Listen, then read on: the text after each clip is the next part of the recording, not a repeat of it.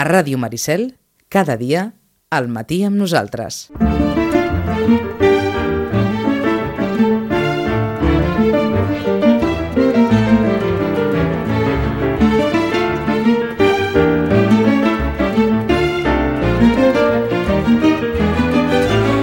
I fa com 15 dies ho havíem deixat amb Siri Hasbet, amb Isabel Allende, amb aquell Recuerdos del futuro, amb les memòries d'una joven catòlica de Mary McCarthy, o, per exemple, amb Después de Kim d'Ángeles González Sinde, o amb la Sinfonia de l'Azar de Douglas Kennedy. Enmig d'algunes novetats també i les recomanacions habituals de la Rosana. Han passat 15 dies. Rosana, bon dia i bona hora. A veure si podem escoltar la Rosana o ens ha desaparegut. No?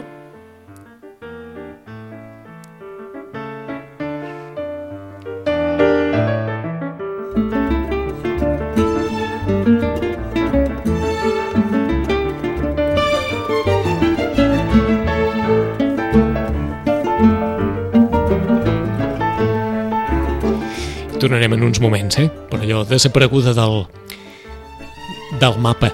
Bé, la Rosana no, la línia telefònica sí, que havia desaparegut de, de cop i volta. A les 11 i 19 minuts encetarem en uns moments el nostre habitual temps dels llibres per les recomanacions, les novetats literàries, en definitiva, tot allò que ens agrada comentar amb la Rosana. Ara sí que sembla que podrem mantenir la, la comunicació, però si hi ha una miqueta més de fortuna. Rosana, bon dia, bona hora. Hola, molt bon dia. Ara sí, ara sí que t'escoltem perfectament, que no escoltàvem res en absolut, o sigui que ara sí que tenim a la Rosana les novetats, les recomanacions, tota la vegada. Ens havíem quedat en què ens apuntaves que algunes novetats sí que arribarien més o menys abans abans no entrem en el fort de l'estiu, no? Sí, sí, sí, la veritat és que estan entrant novetats i ara de cara a l'estiu, perquè, bé, ve una època doncs, de, de poder llegir, no? I, I ara entren novetats perquè és la Fèria del Llibre a Madrid i ja sabeu que quan és la Fèria del Llibre a Madrid surt molta novetat també, sobretot en castellà. Alguna- Sobretot en català. Alguna, alguna especialment destacada, Rosana, d'aquesta llista de, de novetats que vinguin en castellà? Uh, bé, en castellà uh, acaba de sortir una novel·la de cara a l'estiu, eh? Mm. Que és un autor que és poc conegut perquè, de fet, ell ha fet molts guions de, de sèries de televisió um, i, esclar, uh, clar, no el coneixem perquè, clar, les sèries... Normalment ve- veiem la sèrie però no sabem qui, qui hi ha darrere, eh? Des de Médico de Familia, Menudo es mi padre, Compañeros... Uh, es, es tracta de Manuel Ríos San Martín, que ara um, s'ha decidit a posar-la amb, bé, a, fer una novel·la. Eh? En definitiva, després de ser guionista de molts, moltes sèries, el que ha fet és una novel·la i una novel·la que ens porta cap a Tartuerca. Em sembla, em sembla que ens l'havies apuntat el darrer dia. eh? És La huella del mal? Exacte, la Ah, Bolla exacte. del Mal ha sortit i ha sortit amb força, que Mhm. sabíem que és una novel·la que serà una novel·la d'estiu, una novel·la d'aquelles de d'un assassinat i, per tant, d'aquelles que es llegeixen en un tret i no res. Mm? Aquesta seria la primera que ha sortit. Avui us hem de dir, que encara no el tenim a les mans, però avui surt uh, Nauswork, eh? Saps aquella milutxa que surt ja al sisè volum, Ahà. tant en català com en castellà. Com a gran novetat de la, de la setmana seria aquesta, perquè clar, ja hem arribat al sisè volum i, per tant, eh, completem la història. Eh? Però dintre d'això tenim en català un, un autor que potser la generació nostra sí que, que era un referent, diguem-ne, de poesia, però que, que potser no els hi sonarà de res. Ginsberg. Mm? El Ginsberg essencial s'acaba d'editar en català, només en català, i eh, què ens porta aquesta traducció al català? Doncs ens porta no només el seu poema L'Udol, eh? eh, sinó també un munt de cartes, cartes amb, què, amb qui s'escrivia? Doncs s'escrivia amb tota la generació Beat, eh? el, el William Burroughs, el Jack Kerouac, el Neil Cassidy, um, bé, són cartes eh, plenes de, de referències, de referències literàries. El Ginsberg, eh, a part de ser conegut com a poeta, també va ser d'aquella generació en què va ser els primers manifestants contra la guerra, contra bueno, era d'aquells artistes del Flower Power, Music Punk, Mm i en -hmm. definitiva també un dels uh, valedors, diguéssim, dels primers moviments uh, doncs, uh, gais. Eh? El Ginsberg Essencial està editat per Nova Casa Editorial i, i l'únic l'únic pega que li trobem és l'edició, que, que, que han aprofitat tant, tant el paper, que és que, clar, saps? Vull dir que quasi, quasi no hi ha marge per poder llegir. Eh? Reconeixem que el poema Udol, eh? Uh, és, és un poema molt llarg uh, i, i la veritat és que sí que és veritat que tot de, cada vers ocupa una línia de, de, de tot el llibre, però clar, uh, saps, és allò que dius, home, uh, una mica més i ens n'anem del, de la pàgina del llibre, però tret d'això sí que és veritat que és un, una fita poder aconseguir coses que no s'havien editat pas ni en català ni en castellà. En castellà no s'havien editat i en català encara menys. Eh? Anem a que- contextualitzar una miqueta l'autor per aquells que diguin "Mm, de qui, està parlant. Hem anat, òbviament, a aquella, a aquella font per totes les coses que és, que és la Wikipedia, poeta nord-americà, Allen Ginsberg, mort, va morir l'any 1997, va néixer l'any 1926, la seva principal obra, How, és molt coneguda per la seva frase d'obertura. S'obren cometes, he vist les millors ments de la meva generació destruïdes per la bogeria. L'obra es va considerar escandalosa en el moment de la seva publicació per la cruesa del llenguatge, que sovint és explícit, i poc després de la seva publicació, l'any 1956, per una petita editora de San Francisco, l'obra fou prohibida. La prohibició fou un cas cèlebre entre els defensors de la primera esmena de la Constitució dels Estats Units. Per tant, estem parlant eh, d'un poeta de, de poesia eh, militant, contundent, i per tant que cal agafar, mm, em sembla, anava a dir Rosana, cal agafar amb una certa amb un cert coneixement de moltes coses, no?, per entendre-la en la seva dimensió.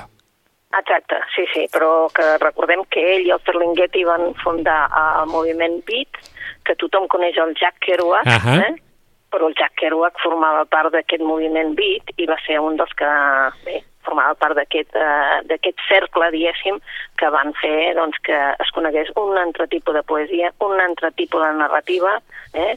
antisistema, evidentment, i per tant, mm, bueno, doncs, eh, crus, sí, um, potser també és veritat que van abusar una mica de, bé, de, de l'alcohol i de i, i d'aquesta vida així tan diferent, diguem-ne, a les carreteres i a tot arreu, però Sí. sí. que és veritat que és un gran referent per la poesia. Eh? Va venir aquí a Barcelona als anys 90, més o menys, eh, i la veritat és que va ser tot unita, perquè, és clar, vull dir, evidentment ja, ja era molt gran, però sí que és veritat que ha estat, doncs, per la per unes generacions anteriors, és a dir, la meva, un, un, una persona de referència, perquè Mhm. aquest poema Udol, eh, Howl, que tu deies, Exacte. doncs, eh, eh, vull dir, és uh, un poema molt llarg, eh? és a dir, no és un poema al gust, diguéssim, és un poema molt llarg i, és clar carrega contra absolutament tot. Eh? D'aquí que prohibissin, vull dir, i també és veritat, és això que deies, no? aquest llenguatge tan descarnat que no, no és un llenguatge Ah. poètic a l'ús. Eh? I, i, si, I si estem parlant dels anys 50, doncs evidentment són els anys del macartisme, són els anys d'aquelles petites revolucions que vivia la societat nord-americana durant els 50, i, i per tant això hauria ser un cop com una, com una Sí, sí, casa. un, un cop com una casa, sí, sí. També ho van ser els altres, si recordes, algun hi ha barros amb, no? Eh, clar, sí, el Jack Kerouac a la carretera, vull dir que ha sigut el que ha passat potser cap aquí, algun hi ha barros també amb el, el Muerto Desnudo, etc Mhm. que Anagram els va publicar tots ells, la veritat, doncs eh, va ser doncs, unita. Eh? I bé, una manera de fer també, una manera de- d'entendre la vida i bé. Per, per tant, Una va, mm, també, volem, volem començar per aquí. Uh, això no és poesia fàcil de llegir, eh? No, no és, no, no, tampoc, no, no és difícil, eh, tampoc, ojo, no, no és allò poesia, no, no, és, és més aviat una... Una narració. poesia, eh, sí, una poesia més, diríem, més narrativa, eh? Ah, però, eh? Però la veritat és que difícil, difícil tampoc, no? D'acord. Eh? Només, només demano un cert coneixement de l'època, del context, Sí. per, per entendre millor tot plegat, no? Ah, sí, i pensar que, que, clar, que tenen un llenguatge, com si diguéssim, descarnat, eh? és a dir, Ahà. que no, no tenen... No hi ha, tenen no hi ha lirisme, aquí no hi ha lirisme. No, no, no, no hi ha lirisme, eh? Vale? Vull dir, no hi ha lirisme, eh? Parlen absolutament de tot, eh? Bé, doncs hem començat amb aquest, amb aquest eh, Ginsberg essencial, a l'entorn sí. d'Alens Ginsberg, que ha acabat de, de sortir, sobretot amb aquesta referència a aquest eh, poema del 1956, aquest Howl, aquest Tudol, mm, sí. que, que va marcar la vida del poeta i la vida de tota una generació, evidentment. Exacte. Per on seguim, Rosana? Seguim per un llibre que es diu Una llibreria a Berlín, de François Frenkel, i bé, no és un altre llibre sobre llibreries, eh? que, que darrerament ja saps que en surten bastants. Eh? De fet, aquest llibre ha sortit ara amb edicions de 1984. Anava a fer una broma, eh? Hi ha més, eh? llibres sobre, hi ha més llibres sobre llibreries que llibreries, quasi, eh? Sí, bueno, sí, sí, eh? Vull dir, ara, ara darrerament, no sé si, si, si, si volen que, no?, de, de, de fer-nos allò un, una, una abraçadeta a tots els llibreters, de dir, va, va, va, va, doncs vinga, doncs penseu que hi ha llibres sobre llibreters i sobre llibreters que han passat també altres èpoques una uh -huh. mica dures, diguem-ne, no? En, en aquest cas, 1984 eh, fa la traducció al català, dos anys després de que surti, sortís en castellà per uh, Sex Barral. Eh? Per tant, mm, diguem-ne que és novetat en català, però que algú potser ja l'ha sentida perquè és que ja s'havia publicat en castellà fa dos anys. Eh? Em sembla que no n'havíem no n'havíem parlat mai d'aquesta autora, de la Françoise no. Frenkel. No, no n'havíem parlat. És una...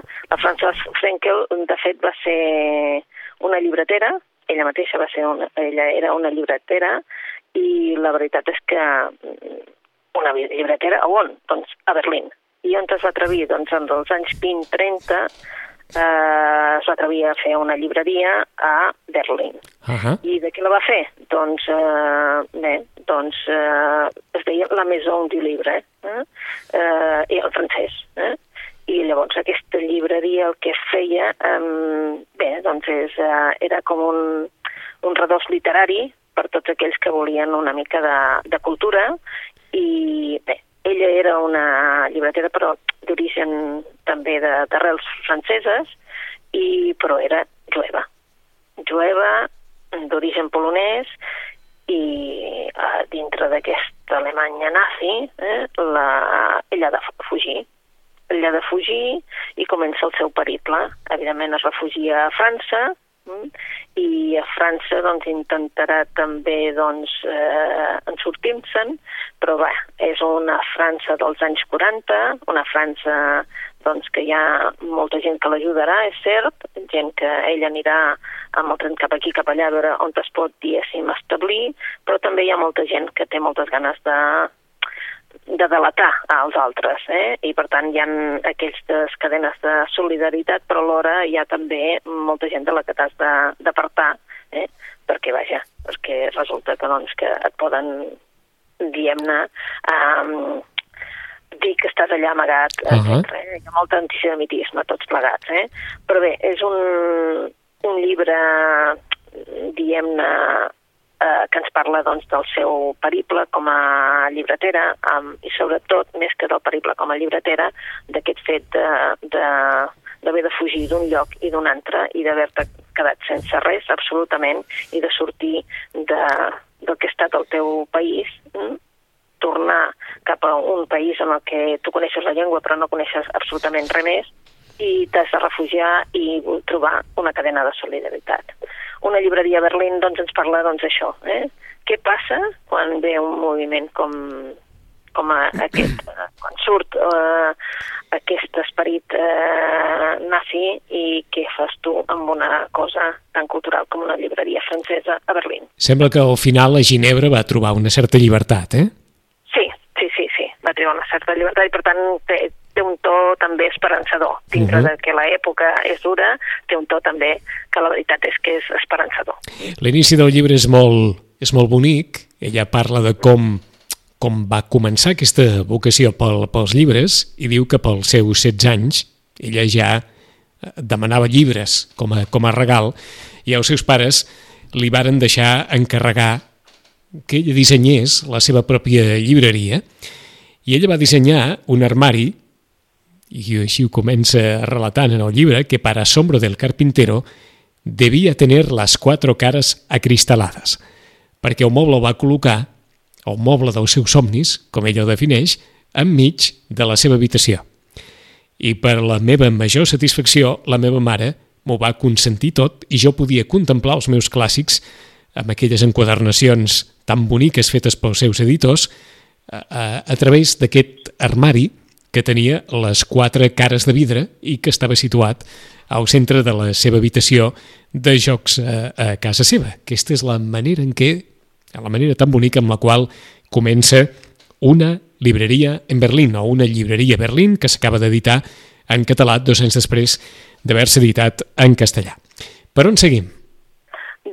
Seguim bé per una obra que us sonarà, una obra que s'està mm, fent al teatre, El dolor, de la Marguerite Duràs, que s'ha tornat a publicar Aliança. Aliança l'ha fet amb una nova col·lecció que és eh, que no és l'aliança de butxaca, sinó que és una aliança que s'assemblaria més amb aquella aliança que teníem fa molts anys, que era Aliança 3, vale?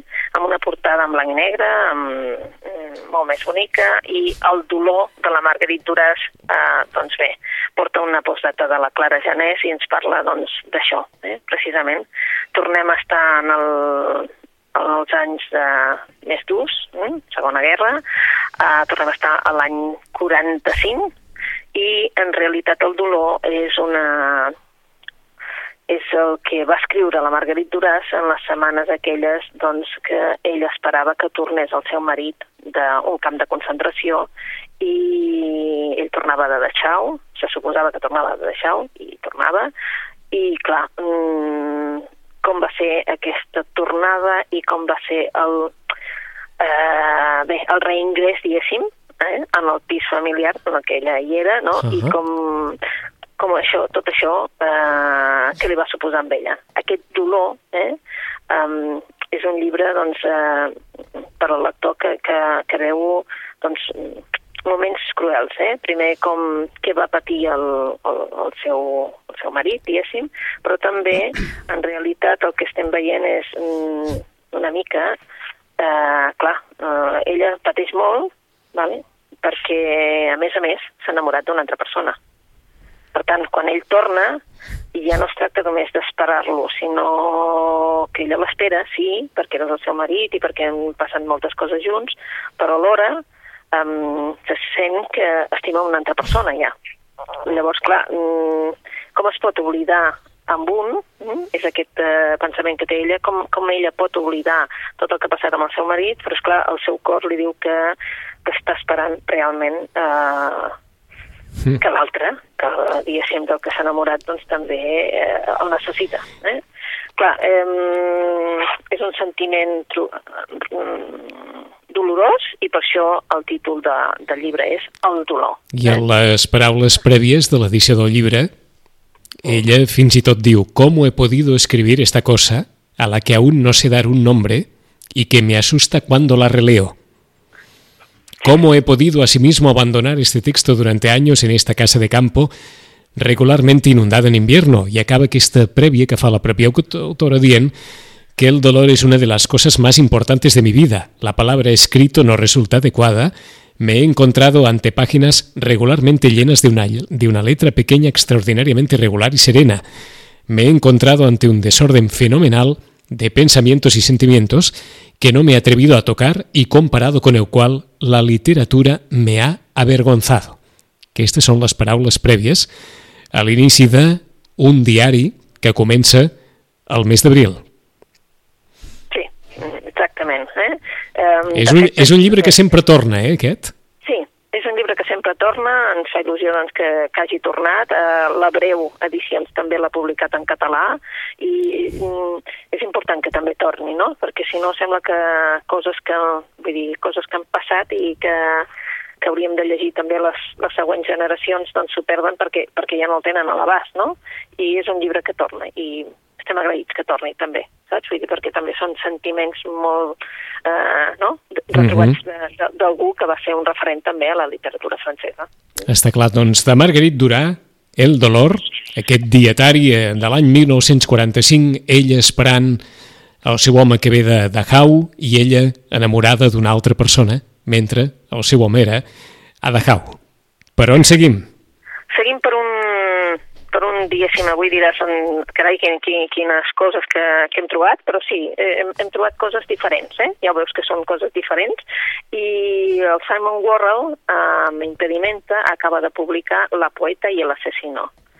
I hem de dir que per aquells que, que llegeixen coses també diferents com nosaltres, doncs aquell llibre ja es va publicar, el va publicar MC fa uns anys, però també mm, es va perdre MC, mm, i per tant ja, ja l'havíem perdut de vista. Eh? Um, el torna a publicar, um, el torna a publicar la uh, Impedimenta, amb aquesta col·lecció preciosa, i es diu La poeta i l'assassino. De quina poeta estem parlant?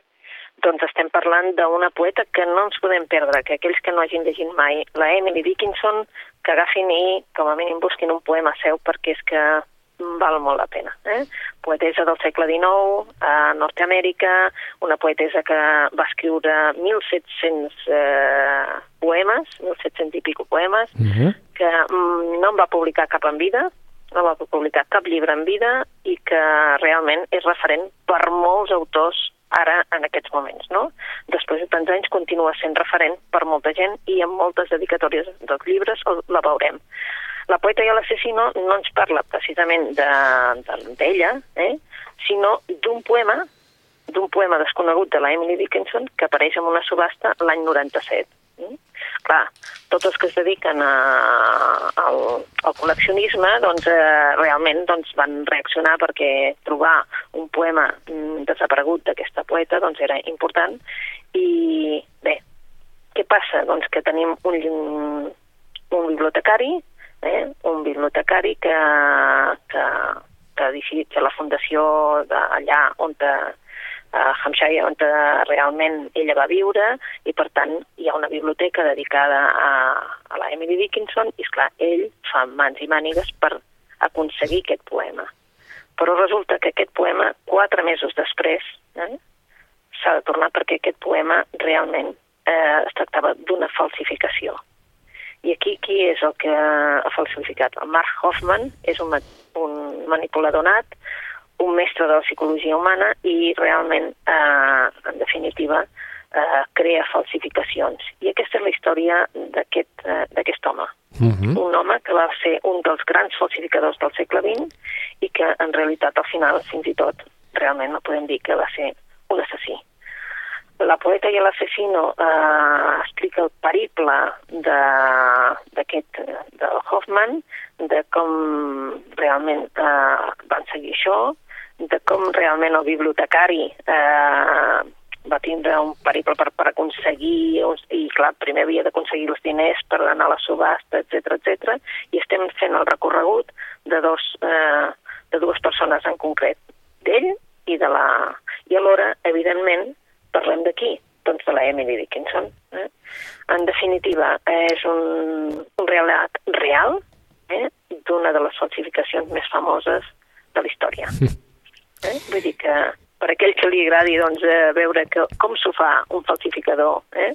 eh, amb una plegat d'entesos sobre un, una poeta, com pot falsificar un poema, doncs aquí hi ha la història, ah la poeta i l'assassino. També hi ha una frase d'Emily Dickinson per encetar eh, o llibre, el corazón quiere lo que quiere, o si no, se vuelve indiferente.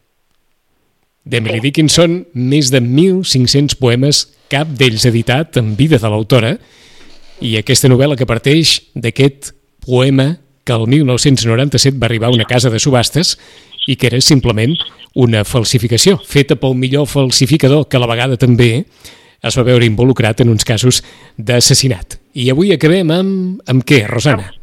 Doncs acabem amb una obra que només s'ha escrit, només s'ha traduït al castellà, perquè la Nicole Kraus no té res traduït al català, ha estat també una de les novetats d'aquestes setmanes, i la Nicole Kraus eh, ja va escriure La història de l'amor, l'any 2006, crec que la van publicar, um, Llega un hombre i dice, i la veritat és que um, bé, ha fet moltes històries, però en La Gran Casa també està publicat a Salamandra i Salamandra ara ens publica eh, en una selva oscura. En una selva oscura, clar, mm, potser li sonarà a la gent aquest, eh, aquest en una selva oscura perquè és un dels versos de l'inferno de, de Dante. Eh? Bé, i de què parla? Doncs parla de dos personatges, dos personatges que són de neoyorquins, però no es trobaran precisament a Nova York, sinó es trobaran en un altre indret, perquè un és un advocat, un advocat de Nova York que ja que jubila, i que al jubilar-se eh, decideix doncs, desaparèixer de l'escena on ha viscut sempre.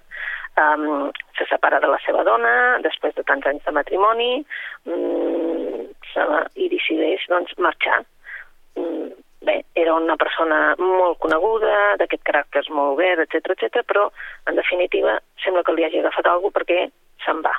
Se'n va i ha hipotecat la, la vivenda a la Quinta Avinguda, o sigui que és un home amb, amb molts diners, i se n'ha anat a Tel Aviv.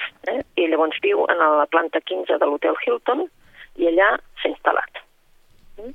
Bé, eh, en aquest hotel també hi ha una altra, una altra persona, la Nicole. La Nicole és una persona que eh, és una autora, eh, que està en plena crisi eh, de d'escriptura, eh, no li surt la novel·la que voldria fer i marxa. Marxa també de Nova York, deixa el seu marit i els seus fills a Brooklyn, i el que fa, aquesta no se separa, simplement els deixa allà i diu que marxa, i on marxa? Doncs marxa a, al, mateix, a, al mateix lloc, a Tel Aviv, perquè vol recuperar el paisatge d'infantesa, allà on anava ella amb els seus pares de, quan era petita, i vol recuperar aquest, a veure si el fet de recuperar el paisatge de, d'infantesa, d'allò on havia viscut uns records eh, tan bonics, doncs li porten mm, aquesta calma que necessita per desbloquejar-se i poder escriure. Però allà doncs, rep un encàrrec d'un professor de literatura jubilat que l'encarrega que, que, que acabi una, una obra que ell creu que, que està casca i que, doncs, que, que l'ha d'acabar. En definitiva, eh, això doncs, portarà a que es coneguin aquests dos personatges i que facin... Eh, bé, no, no ens imaginem històries d'amor, sinó simplement una història que va paral·lela. Uh -huh. En una selva oscura se n'anem de Nova York mm, cap a Tel Aviv. Mm. A partir de les històries de dues persones de vida assentada, acomodada, en projecció social, etc etc, que decideixen trencar amb la seva vida i d'alguna forma recuperar mm, noves vivències, noves emocions. Bé, hem començat amb una mm, amb l'Allen Ginsberg, amb el Ginsberg Essencial, hem seguit per la llibreria Berlín de François Frenkel, hem seguit pel dolor de Marguerite Duras, aquest clàssic a l'entorn dels diaris de l'autora del 1945, amb la poeta i l'assassino de Simon Wobble i hem acabat precisament amb Nicole Kraus i aquesta en una selva oscura. Algunes de les recomanacions que ens ha deixat la Rosana Lluc, en 15 dies, com no, tornarem amb més llibres. Rosana, bona lectura. Molt bona lectura a vosaltres també. Adéu-siau. Adéu.